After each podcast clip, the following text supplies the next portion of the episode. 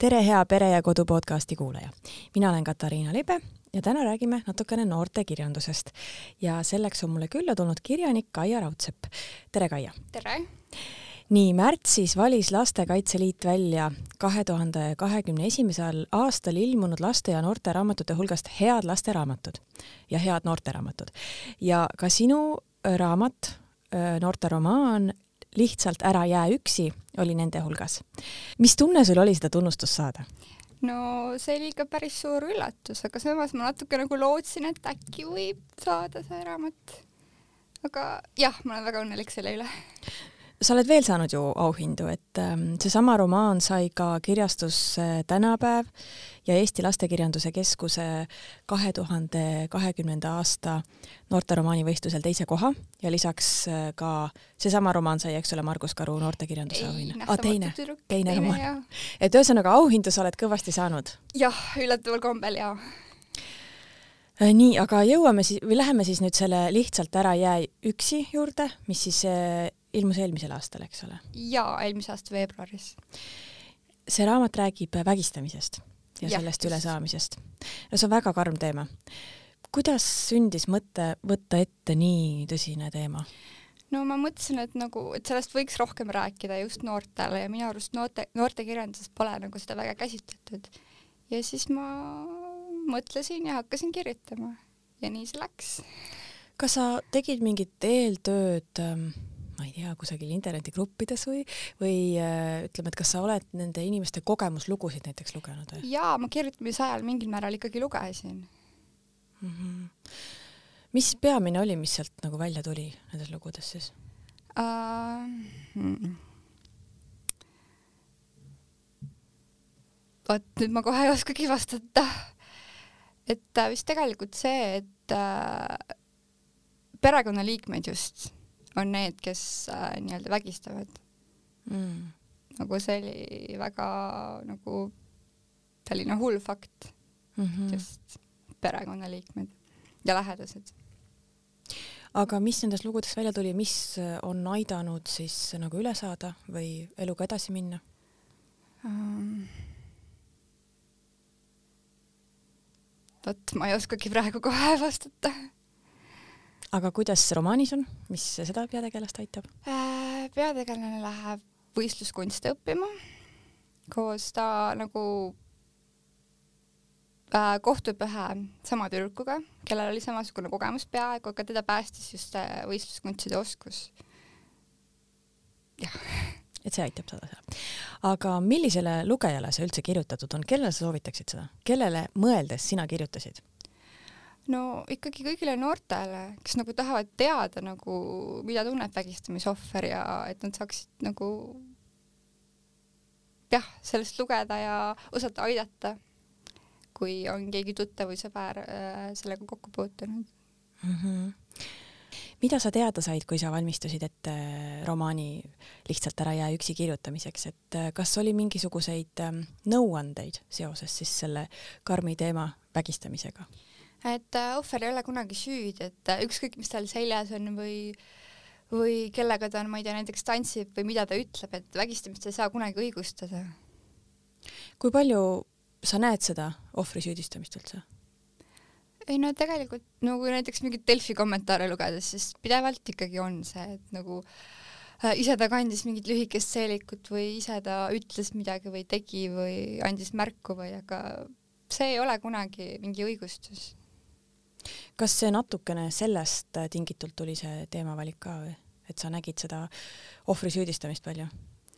mingis mõttes küll, ma arvan jaa mm. -hmm. mis on veel olulised asjad, mida peaks tegema sellises olukorras või kust abi otsima? no kindlasti tuleb rääkida, ma arvan, et äh, et, äh, et rääkimine on kindlasti kasulik, et kui sa seda endale hoiad, siis see võib-olla hakkab sind nagu rohkem närima ja närima ja võib-olla siis sellest ei saagi üle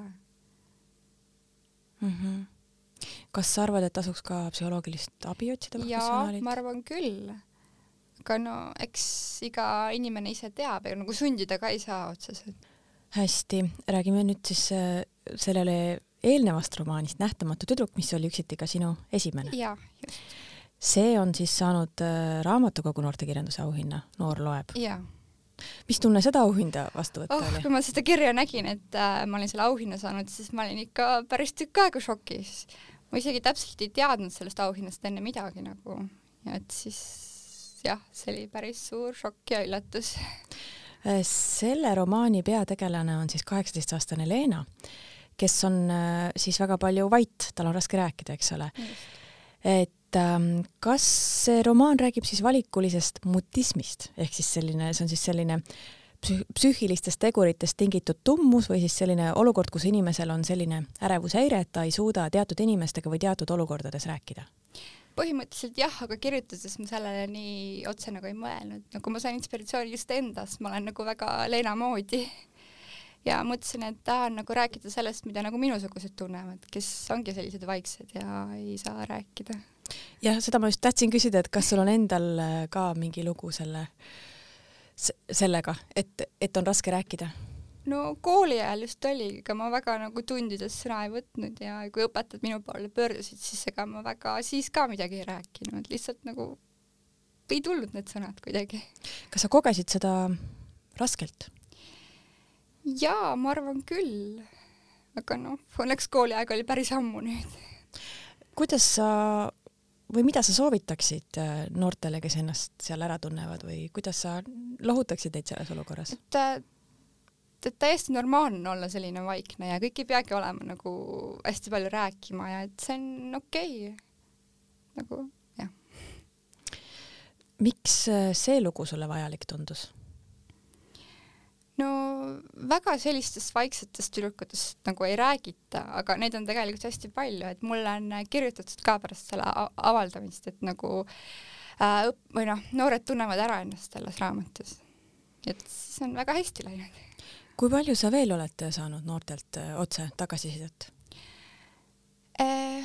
ma hiljuti käisingi just esinemas eelmisel nädalal ühes koolis ja siis äh, seal ikka nii mõnigi õpilane oli lugenud seda ja neile tundus täitsa meeldivat. nii et väga hästi.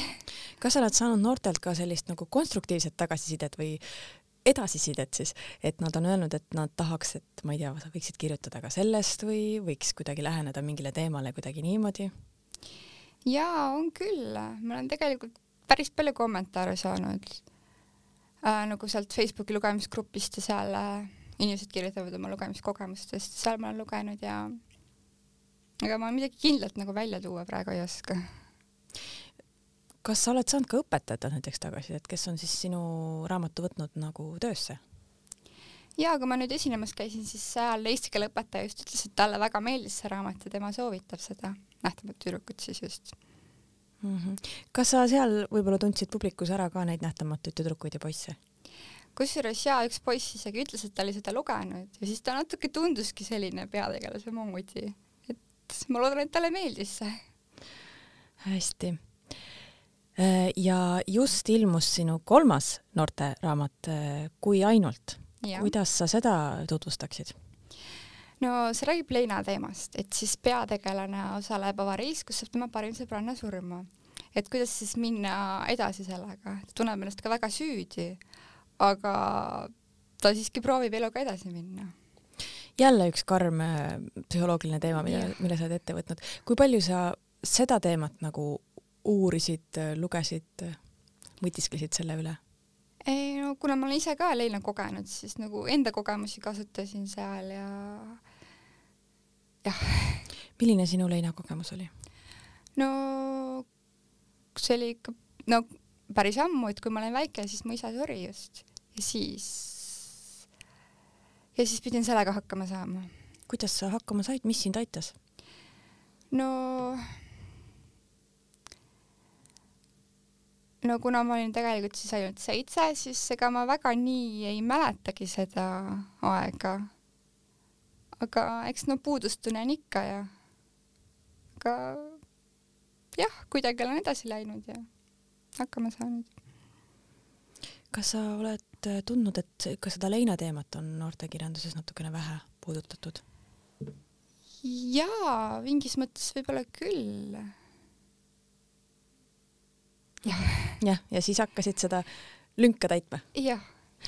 Äh, kas sul on midagi järgmist ka nüüd töös? ja ma nüüd paar nädalat tagasi mõtlesin, et võiks nagu midagi teistsugust, midagi nagu lõbusamat, et kus ei ole nagu suuri probleeme. Sest et kõigil nagu tänapäeval noortel ei ole nagu probleeme, et nemad on nagu lihtsalt selline draamavaba elu ja lihtsalt kool ja sõbrad ja Äh, nii et midagi lõbusamat on nüüd tulemas? jaa, ma mõtlesin, et proovin. Äh, et jälle kirjutad noortele, miks just noortele, miks mitte lastele, miks mitte täiskasvanutele? Eh, no kui ma kirjut-, kirjutamist alustasin, siis ma olin ise just selline teismeline ja siis olen nagu jäänudki sinna sellesse aega. Et nagu ja lastekirjandust ilmub minu arust ka rohkem kui noortekirjandust just või täiskasvanutele mõeldud kirjandust. et siis mõtlesin, et võiks nagu proovida just ise kirjutada kas sul on äh, selles vanuses inimestega, kuna sa ise oled äh, vanem, sa oled ju kahekümne ja kolmekümne vahel, eks ole? jah, just. Äh, siis kas sul on siis teismelistega ka mingi side nagu eriline või? Ei, no mõnes mõttes ma tunnen, et ma ise nagu oleksin sinna aega nagu jäänud veel, et ma ei tunne ennast nagu nii kahekümne kuuesena veel mm. -hmm. kuidas sinust sai üldse kirjanik või noortekirjanik? no ma hakkasin kirjutama umbes kümme aastat tagasi ühes foorumis, kus sai järjejutte postitada. ja siis ma alguses lugesin neid ja siis üks hetk proovisin ka ise kirjutada. Ja millalgi paar aastat hiljem siis foorum suri välja nii-öelda, aga ma tahtsin nagu ikkagi kirjutada ise. ja siis tuligi see Nähtamatu tüdruku idee. ja hakkasin kirja panema ja kirjastus oli nõus avaldama ja, ja nüüd siin ma olen kas sa oled väiksest peale alati teadnud, et sa just see on see tee, mida sa tahad ette võtta? ei, ma arvan, et see tuligi siis, kui ma hakkasingi seda Nähtamatu tüdrukut kirjutama just ütleme mingi kolm-neli aastat tagasi, natuke rohkem. mis seisus on Eesti noortekirjandus, kuidas sulle tundub ja, ja kui palju sa üldse loed äh, teisi noorteraamatuid? ma ikka üritan enam-vähem kõik läbi lugeda, mis ilmub. aga kuna meil on nüüd Eesti Noortekirjanduse Ühing, siis tundub, et läheb järjest paremini et nemad seal palju kirjutavad ja teevad üritusi ja just see noortekirjanduse päev on ka nende see äh, välja mõeldud. Ja ma arvan, et hakkab järjest minema. nojah, seda ma olen kuulnud palju, et, et Eesti lastekirjandusel läheb väga hästi, aga noortekirjandust on nagu natuke vähe. miks sa arvad, miks on vähe, kas see on raske sihtrühm? ma arvan küll jah, ega noored, nii palju nad vist ei loe, kui nagu lapsed, lastel olevad vanemad ette ja noortele no jah, noored on selline nagu nõudlikum võib-olla sihtrühm, jah. kui raske on noori lugema saada? Ma arvan, et on noori, kes nagu juba väiksest peale loevad ja nemad nagu jäävadki lugema. aga põhikooli lapsi, kes polegi väga lugenud, ma arvan, et on ikka keeruline lugema panna. aga ma arvan, et igale ühele leidub see õige raamat, nad peavad selle leidma ja siis võib-olla hakkab minema järjest lugemine kui palju sina ise lapsena või, või siis teismelisena lugesid? ei no niipea, kui ma lugemise selgeks sain, siis ma lihtsalt hakkasin lugema järjest ja teismelisena lugesin ka ikka väga palju. enam-vähem kõik ilmunud noortekad läbi ja kõik muud raamatud ja. kui palju sa oma ümberlugemist nägid? Õnneks kogu mu perekond luges ja loeb siiamaani, nii et mul oli head eeskujud. aga koolis? koolis, no mõned klassikaalised ikka lugesid õnneks, aga muidu oli põhiliselt, põhiliselt kohustuslik kirjandus. Äh, mida sa välismaistest äh, noortekatest äh, siis soovitad, kui näiteks mõni meie kuulaja tahaks oma teismelisele lapsele raamatukogust midagi kaasa viia? või mida sa ka Eesti omades soovitad äh,? nii, Eesti omades võib-olla siis Ketlin Preilil nad ei teinud seda, mis just aasta lõpus ilmus, siis äh, siis Kuutõus, ma praegu autorit ei mäleta, see on selline teistsugune noorteraamat. ja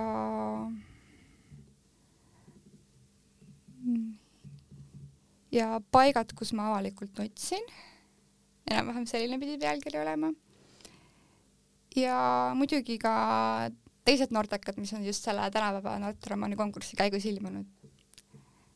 Neid võivad ka kõik lugeda miks peaks üldse noored lugema, mis, mida lugemine annab, mida lugemine sulle annab? No näiteks seda, et ma lugemise ajal mõtlen nagu tegelaste probleemidele, mitte enda muredele, et saan nagu kuskile teise maailma ennast unustada ja, või avastada kohti, kus ma pole käinud ja ja muidugi sõnavara arendab. jah.